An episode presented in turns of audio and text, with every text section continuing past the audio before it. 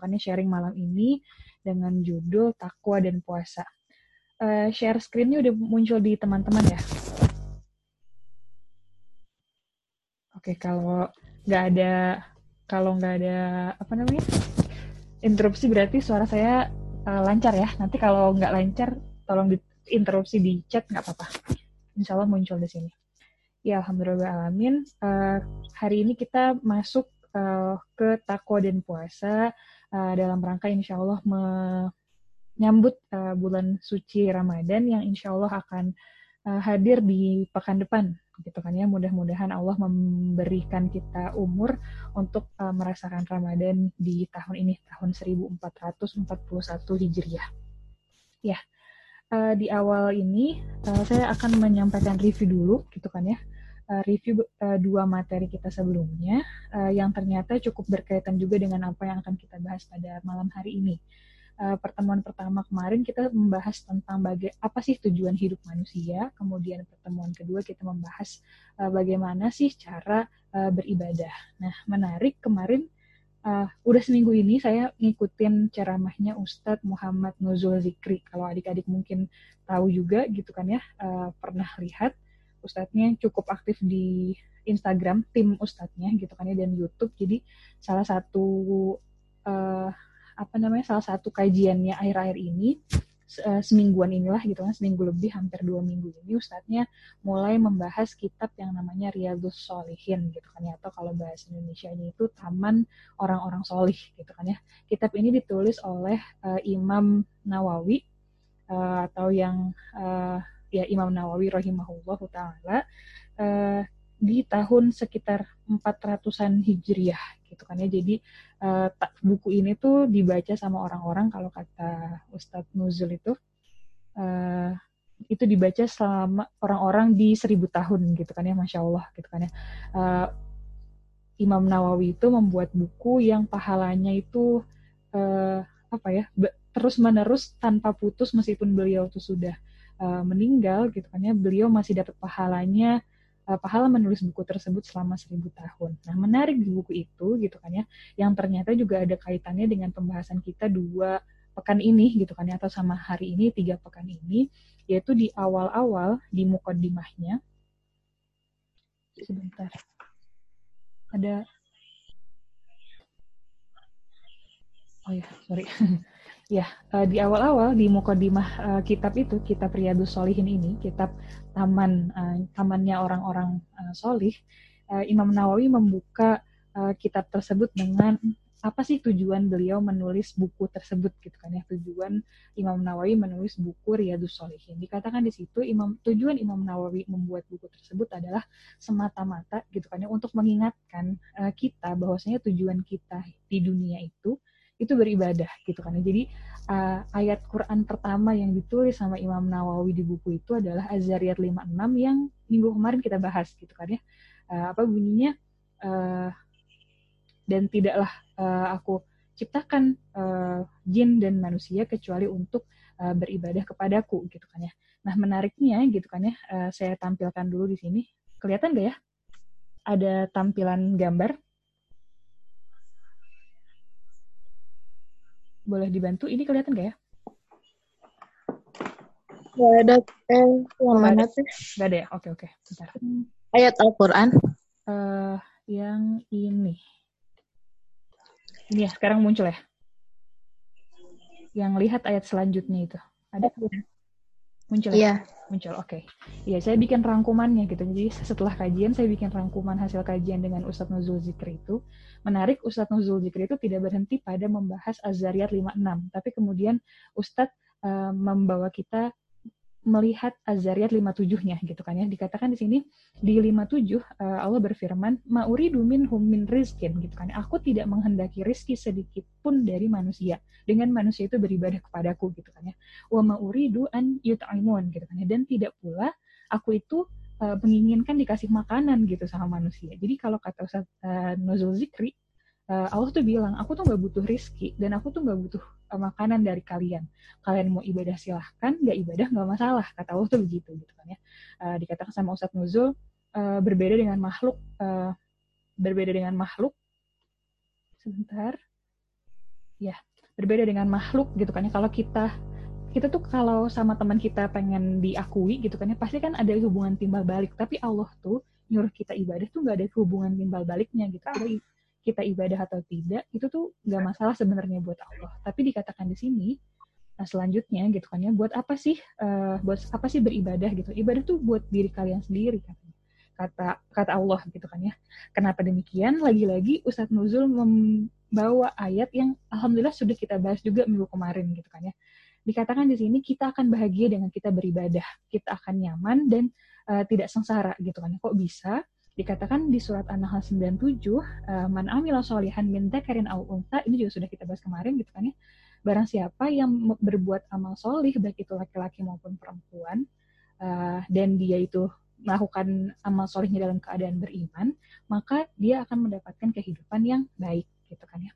Eh, dan sesungguhnya Allah juga nanti akan memberikan pahala yang lebih baik kelak di akhirat. Oke, maka dikatakan sama Ustadz Nuzul, oke berarti kalau kita ibadah kita tuh bahagia gitu kan ya. Allah juga berfirman dalam suratnya yang lain, ala bidzikrillahi tatmainnul qulub. Hanya dengan mengingat Allah lah kita menjadi uh, hati kita menjadi uh, tenang, hati kita menjadi tentram. Adapun Allah tidak diuntungkan dengan kita beribadah gitu kan. Tapi ini tentang kita dikatakan seperti itu maka Imam Nawawi berpesan dalam uh, mukadimah bukunya merupakan suatu keharusan bagi kita untuk fokus pada tujuan penciptaan ini untuk berpaling dari segala hal yang bisa memecah konsentrasi kita nah kemudian Ustadz Nuzul menambahkan gitu kan hari-hari ini kan hari-hari yang sulit ya gitu kan ya untuk beberapa orang misalnya coba teman-teman uh, apa namanya uh, lihat gitu kan ini berita-beritanya ada orang yang sampai nggak makan gitu kan ya kayak misalnya abang-abang tukang ojol gitu kan ya. Atau tidak hanya abang-abang ojol saja tapi orang-orang yang hidupnya ya uh, tidak punya uang kalau dia tidak bekerja hari ini gitu kan ya. Uh, kerjanya tuh harian dapat uangnya tuh harian. Orang-orang seperti itu gitu kan ya atau tiba-tiba orang yang kena PHK gitu kan dan lain sebagainya dikatakan gitu. Kalau misalnya mereka itu tidak punya tujuan hidup itu nanti mereka akan down kalau kata Ustadz Nuzul gitu kan ya. Orang down itu kalau kata Ustadz Nuzul itu down kita tuh ngerasa uh, stres gitu kali ya. Kita tuh ngerasa stres kalau kita tuh kecewa. Apa yang kita mau tapi tapi kemudian tidak kita dapat akhirnya kita kecewa. Nah kata Ustadz Nuzul sedangkan kalau misalnya orang yang punya tujuan tujuan hidupnya tadi dia sudah menemukan bahwa tujuan hidupnya itu hanyalah untuk beribadah kepada Allah gitu. Dia di dalam kondisi yang kesusahan hari ini tuh nggak akan menemukan kesulitan gitu. Jadi begitu ada kesulitan dia berpikirnya oh tujuan hidup saya kan ibadah gitu. Dicontohin di sini oh orang yang dirumahkan gitu kan ya kita kita yang di rumah ini mahasiswa mahasiswa yang dirumahkan uh, dengan dirumahkan ini kita nggak pusing kenapa gitu kan ya karena kita tahu tujuan kita itu adalah untuk beribadah gitu kan. Dengan adanya dirumahkan ini kita akan bertanya pertanyaan pertama yang muncul di benak kita adalah bisa nggak ya kita dirumahkan tapi tetap ibadah gitu. Kalau kata Ustadz Nuzul tuh begitu gitu kan. Saya sempat uh keren banget nih Ustadznya gitu kan ya uh, bisa menghadirkan sesuatu yang menurut saya itu bahasanya lebih down to earth gitu daripada uh, apa yang saya sampaikan di minggu lalu gitu kan ya. Dikatakan di sini gitu kan ya. Uh, kalau misalnya bahkan kalau misalnya ada orang yang kena positif COVID misalnya gitu kan ya di hari-hari ini dia juga akan gak akan down gitu kan. Karena yang pertama kali dia pikirkan tujuan hidup saya itu beribadah gitu kan ya. Dengan saya dapat COVID saya kena COVID misalnya saya bisa beribadah nggak? Kalau bisa beribadah alhamdulillah gitu. Cukup buat dia gitu. jadi Ustadz Nuzul di akhir bilang gitu kan ya bahwa yang membuat hancur uh, manusia gitu kan itu ketika salah tujuannya. Jadi kalau misalnya ada orang yang tujuan hidupnya itu untuk harus banyak uang ketika di PHK pasti dia hancur hidupnya. Kalau ada orang yang hidupnya itu harus sehat, ketika sakit maka akan hancur hidupnya gitu kan ya.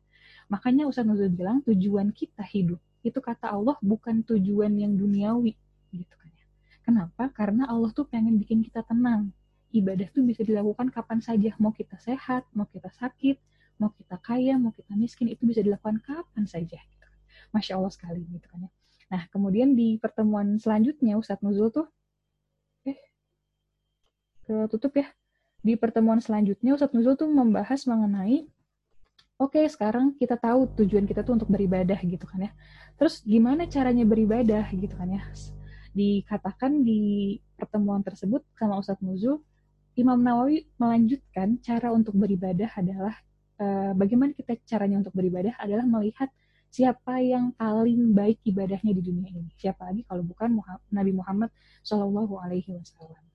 Gitu. Jadi uh, cara kita beribadah adalah dengan uh, melihat bagaimana contoh Rasulullah Shallallahu Alaihi Wasallam, bagaimana Rasulullah beribadah, gitu kan ya, bagaimana Rasulullah itu uh, senantiasa. Kalau di sini dikatakan uh, bagaimana Rasulullah itu apa ya juga pernah mengalami masa-masa sulit gitu kan ya bahkan dikatakan sama Ustadz Nuzul Rasulullah tuh nggak cuman kelaparan doang gitu kan ya Rasulullah tuh nggak cuman uh, apa namanya berat doang hari-harinya bahkan lebih berat daripada kita. Rasul pernah diboykot selama tiga tahun gitu kan ya. Rasul pernah mengalami hari-hari perang perang terus setiap tahun bertahun-tahun gitu kan ya. Itu kan lebih berat dari kita gitu kan ya. dan Rasul uh, menjalani itu semua dengan pola ketakwaan gitu kan. Dengan pola ketakwaan kepada Allah gitu kan ya.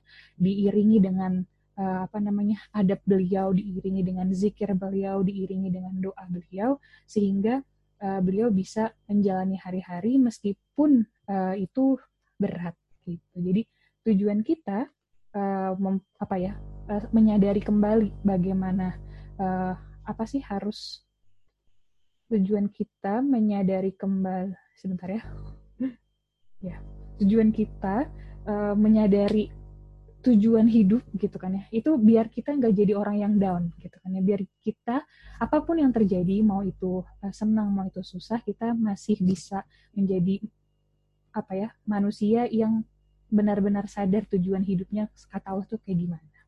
Gitu. Dan alhamdulillah hari ini kita uh, sampai pada bahasan takwa dan puasa ya adik-adik ya. Udah balik ke slide ya. Di sini. Oke. okay uh, reviewnya sudah selesai kira-kira seperti itu gitu kan ya. Nanti kalau mau di share-share yang lain boleh. Uh, kalau adik-adik mau ikutan kajiannya Ustadz Nuzul saya pikir juga bagus banget kajiannya setiap hari jam setengah enam sampai setengah tujuh. Jadi cuman satu jam. Tapi masya Allah itu kitab Imam Nawawi itu dikatakan sama Ustadz Nuzul tadi pagi hmm, dengan mempelajari kitab ini kita akan menjadi orang yang tidak hanya beradab uh, fisik gitu kan ya. jadi kan katanya tuh uh, ada orang yang kelihatannya tuh baik gitu kan ya. Jadi beradab nah, sopan lah gitu. Kelihatan sama manusia yang lain tuh sopan. Tapi dengan mempelajari kitabnya Imam Nawawi ini kita tidak hanya menjadi orang yang kelihatan sopan di luar tapi kita benar-benar dari hati tuh benar-benar baik gitu kan. Karena kita diajarkan nanti di sana dihadirkan hadis-hadis dan uh, ayat-ayat Quran yang uh, mengarahkan kita gitu kan ya supaya kita menjadi pribadi yang baik Oke, okay, sekilas dari di situ gitu kan ya. Hari ini kita akan masuk ke uh, tadabur uh, Quran Al-Baqarah ayat 183. Insya Allah kalau menurut saya ini apa namanya ayatnya sudah dihafal di luar kepala ya. Zaman dulu mah ada sempat mah, malah sempat ada iklannya juga gitu kan ya. Di iklan sirup kalau nggak salah ada ya si ayat uh, Al-Baqarah 183 ini.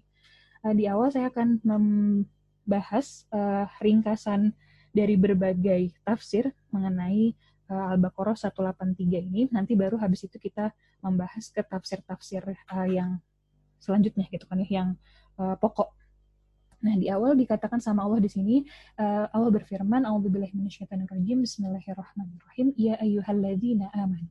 Artinya wahai orang-orang yang beriman. Jadi di awal di sini gitu kan ya, Allah itu menyerunya untuk orang yang beriman. Nah, orang yang beriman, imannya kepada apa saja gitu kan. Imannya tentu saja kepada Allah, kepada Rasulnya gitu kan, dan kepada rukun iman yang enam gitu kan. Orang kalau sudah berislam itu harus beriman kepada rukun iman yang enam. Nah, kemudian uh, diteruskan kutiba alaikumusiyam. Allah memerintahkan di sini kutiba. Uh, kutiba itu kalau diartikan di terjemahan artinya diwajibkan gitu kan ya. Kalau kita ingat uh, bahasa Arab kataba gitu kan. Kataba itu kan tulis gitu kan ya. Telah Allah tuliskan gitu kan ya. Telah Allah tetapkan telah Allah wajibkan gitu kan ya. Alaikum atas umat Islam. Asyam yaitu puasa. Uh, siam itu di sini dikatakan uh, definisi siam adalah menahan diri gitu kan ya. Menahan diri dari apa? Setidaknya dari tiga hal.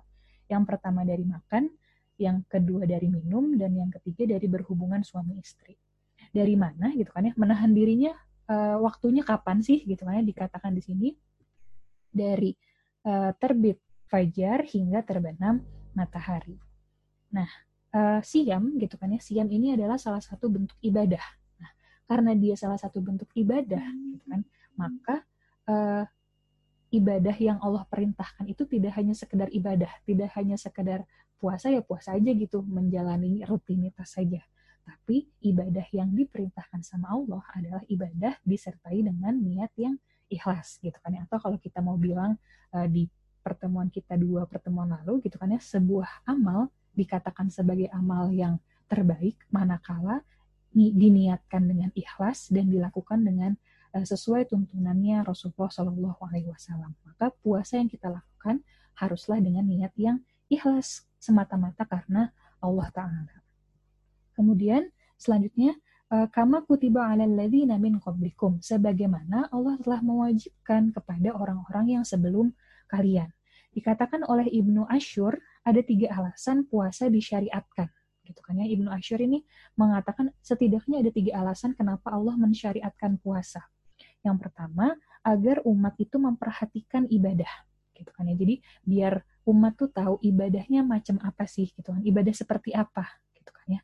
Dan uh, Ibnu Ashur mengatakan di sini kalau misalnya sampai dengan umat Islam yang diperintahkan sama Allah untuk puasa gitu kan ya. Jadi dikatakan perintah puasa ini sudah ada dari zaman Nabi Musa kemudian terus ke Nabi Isa sampai akhirnya ke uh, umatnya Nabi Muhammad Wasallam. Kalau demikian gitu kan ya uh, syariat yang begitu panjang ini berarti di dalamnya itu ada kebaikan yang besar sekali pahalanya kalau kata Ibnu Ashur. Kemudian alasan yang ketiga, eh alasan yang kedua itu agar umat Islam tidak merasa berat gitu kan ya karena hal ini telah disyariatkan pada umat sebelumnya. Nah kalau kita buka uh, kitab hadis sohihain, sohihain itu artinya dua sohih gitu kan ya. Kitab uh, hadis yang sohih, yang tersohih, dua kitab hadis yang tersohih itu adalah sohih Bukhari, kemudian sohih Muslim. Di dalam sohih Bukhari dan Muslim uh, ada suatu hadis, uh, ada hadis tentang puasa. Jadi uh, sejarahnya puasa itu awalnya umat Islam itu puasanya hanya tiga hari dalam satu bulan. Tapi kemudian uh, puasa ini akhirnya dimansuh sama puasa Ramadan gitu. Jadi awalnya tuh tidak ber, tidak apa tidak boleh puasa terus-menerus dalam satu hari eh, setiap hari. Akhirnya kan puasa syariatnya itu tiga hari setiap bulannya. Tapi kemudian dengan datangnya bulan Ramadan berarti syariatnya sudah berbeda lagi gitu kan ya. Syariatnya sudah dihapuskan eh, yang lalu itu gitu kan ya. Eh, wajibnya puasa itu di gantikan dengan wajibnya berpuasa pada bulan Ramadan sebulan penuh. Kemudian alasan yang ketiga dari Ibnu Ashur agar menguatkan tekad dalam menjalankan kewajiban dan tidak lalai. Jadi tujuan Allah tuh uh, mensyariatkan puasa tuh ada tiga kalau kata Ibnu Ashur. Hmm. Uh, Oke, okay. selanjutnya yang terakhir la'allakum tatakun. Oke, okay, tinggal 10 menit lagi. Nanti kita uh, lanjutin di link yang sama ya, deh ya. Eh, la'allakum tattakum tattakun nah la'alla la'alla di sini artinya sebab jadi uh, puasa itu adalah uh, sebab orang menjadi bertakwa dikatakan di sini gitu kan ya. Atau orang uh, dikatakan di tafsir yang lain hikmah dan tujuan puasa itu adalah untuk membuat orang menjadi bertakwa. Takwa itu apa sih? Kalau di dalam kitab At-Tahrir wa At-Tanwir dikatakan takwa itu adalah melemahkan hawa nafsu. Atau dikatakan di uh, tafsir yang lain, takwa itu terhindar dari neraka, mendapatkan ridho Tuhan, dan menyucikan dari akhlak yang buruk, gitu kan ya. Dikatakan juga uh, puasa itu bentuk menjalankan perintah dan larangannya. Nah, bentuk menjalankan perintah dan larangannya ini adalah bagian dari takwa itu sendiri. Karena kan takwa artinya taat gitu kan ya, menjalankan segala perintah Allah dan segala larangannya. Puasa itu salah satu perintahnya Allah. Maka puasa itu menjadi uh, salah satu jalan kita untuk menjadi orang yang bertakwa. Kemudian dengan melaksanakan puasa, kita selalu merasa diawasi Allah. Uh, dengan demikian akan bertambah ketaatan kita, gitu kan. Dan ini bertambah ketaatan itu adalah gambaran uh, takwa. Uh, ada juga yang bilang takwa ini, gitu kan ya, datangnya dari mana? Kalau misalnya ada orang kaya merasakan lapar, maka dia akan menghibur orang miskin. Itu juga merupakan gambaran dari uh, takwa. Oke. Okay. Maka dari ayat ini gitu kan ya, dari ayat ini bisa kita simpulkan uh, siam puasa pada bulan Ramadan itu hukumnya adalah fardu ain. Nah, kalau uh, sedikit bahas usul fikihnya gitu kan ya, kenapa demikian ada kata kutiba di sini gitu kan ya. Jadi meskipun kutiba ini bukan farodho gitu kan ya, kan kalau fardu farodho gitu kan ya. Kalau kutiba itu bahasa lainnya dari farodho, tapi menurut uh, ulama gitu kan ya, ulama sepakat bahwasanya kutiba di sini artinya adalah fardu ain. Oke. Okay. Uh, selanjutnya di tafsir, kita bahas ke tafsir Ibnu Katsir. Hmm, dikatakan di dalam tafsir Ibnu Katsir, melalui ayat ini Allah Subhanahu wa taala berhitop atau memerintahkan kepada orang mukmin untuk berpuasa dengan niat yang ikhlas karena Allah tadi gitu kan ya.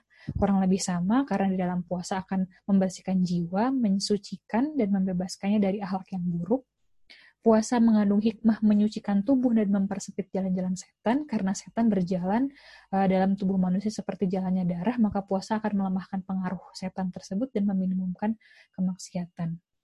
Kemudian di tafsir Kemenak di sini uh, ada sedikit sejarahnya. Puasa itu perintahnya diturunkan di tahun kedua Hijriyah pada bulan Syakban gitu kan ya. Kalau kita ingat bulan Ramadan kan habis Syakban Ramadan gitu kan ya. Ramadan tahun kedua Hijriyah umat Islam itu waktu itu sedang perang Badar gitu kan. Ya. Jadi Ramadan pertamanya kaum muslimin waktu itu adalah saat perang Badar, masya Allah gitu kan. Pasti berat sekali gitu kan ya. Kita yang hari ini uh, kena wabah juga sudah cukup berat gitu kan ya. Bayangin apalagi mereka. Dulu perang Badar itu kalau di Sirah itu dikabarkan jumlah pasukan kita, jumlah pasukan muslimin itu hanya 300-an. Ada yang bilang 313.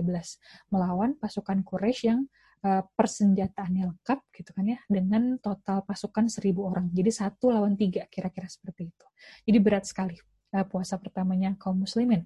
Dikatakan di sini di tafsir Kemenak RI ketika Nabi Muhammad Wasallam mulai membangun pemerintahan yang berwibawa dan, dan mengatur masyarakat baru, jadi baru dua tahun tuh pindah ke Madinah, maka dapat dirasakan bahwa puasa itu sangat penting artinya dalam membentuk manusia yang dapat menerima dan melaksanakan tugas-tugas besar dan suci.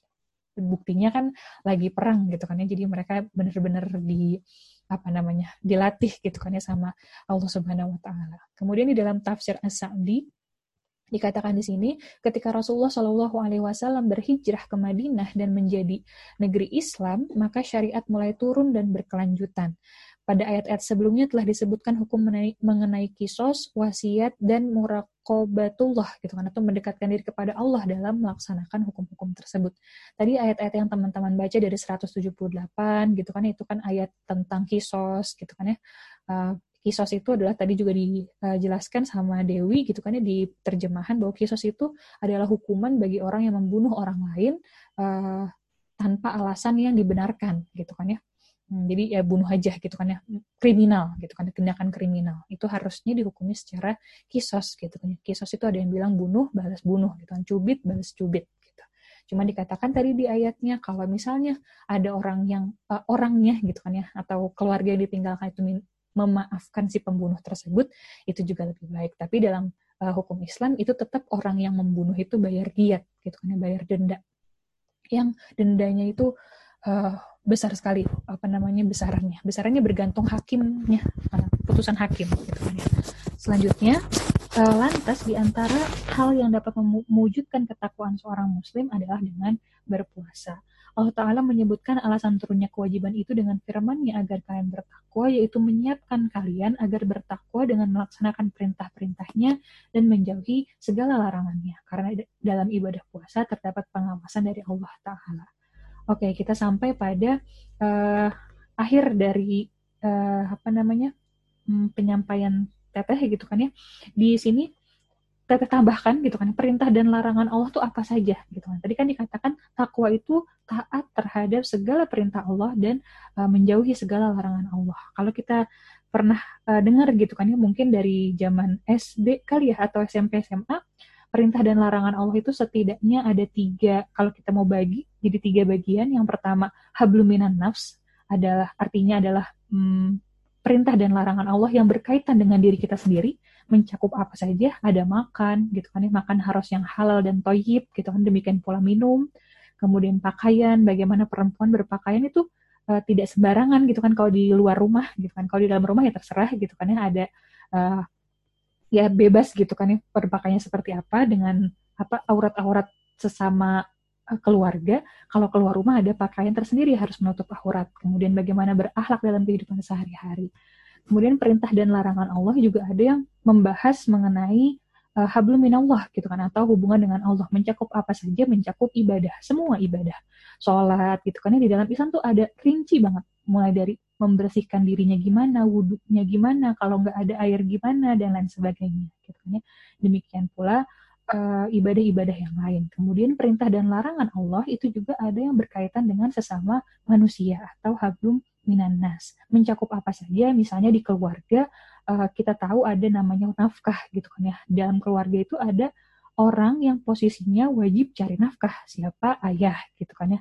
Kalau ibu tidak wajib tapi boleh membantu gitu kan ya. Atau misalnya kita juga tahu hukum Islam terkait dengan waris Nah, waris perempuan berapa, waris laki-laki berapa gitu kan. Bisakah uh, waris perempuan itu lebih besar daripada laki-laki? Oh, ternyata bisa. Kapan gitu kan. Itu juga diatur oleh Islam. Demikian pula dalam kita bermasyarakat itu juga ada hukum Islamnya terkait dengan misalnya jual beli gitu kan ya. Nggak boleh uh, apa namanya? nggak boleh merugikan gitu kan. Upah mengupah gitu kan ya. Ada hadis uh, apa? Ada hadis Rasul terkait dengan kita harus um, cepat membayarkan upah sebelum keringat uh, orang yang bekerja sama kita tuh uh, kering gitu kan dan lain sebagainya. Ada juga sistem sanksi yang tadi kita bahas yang kisos gitu kan dan lain sebagainya. Kemudian itu terkait dengan pembagian perintah dan larangan Allah berdasarkan uh, siapa dengan siapa gitu kan kita dengan siapa.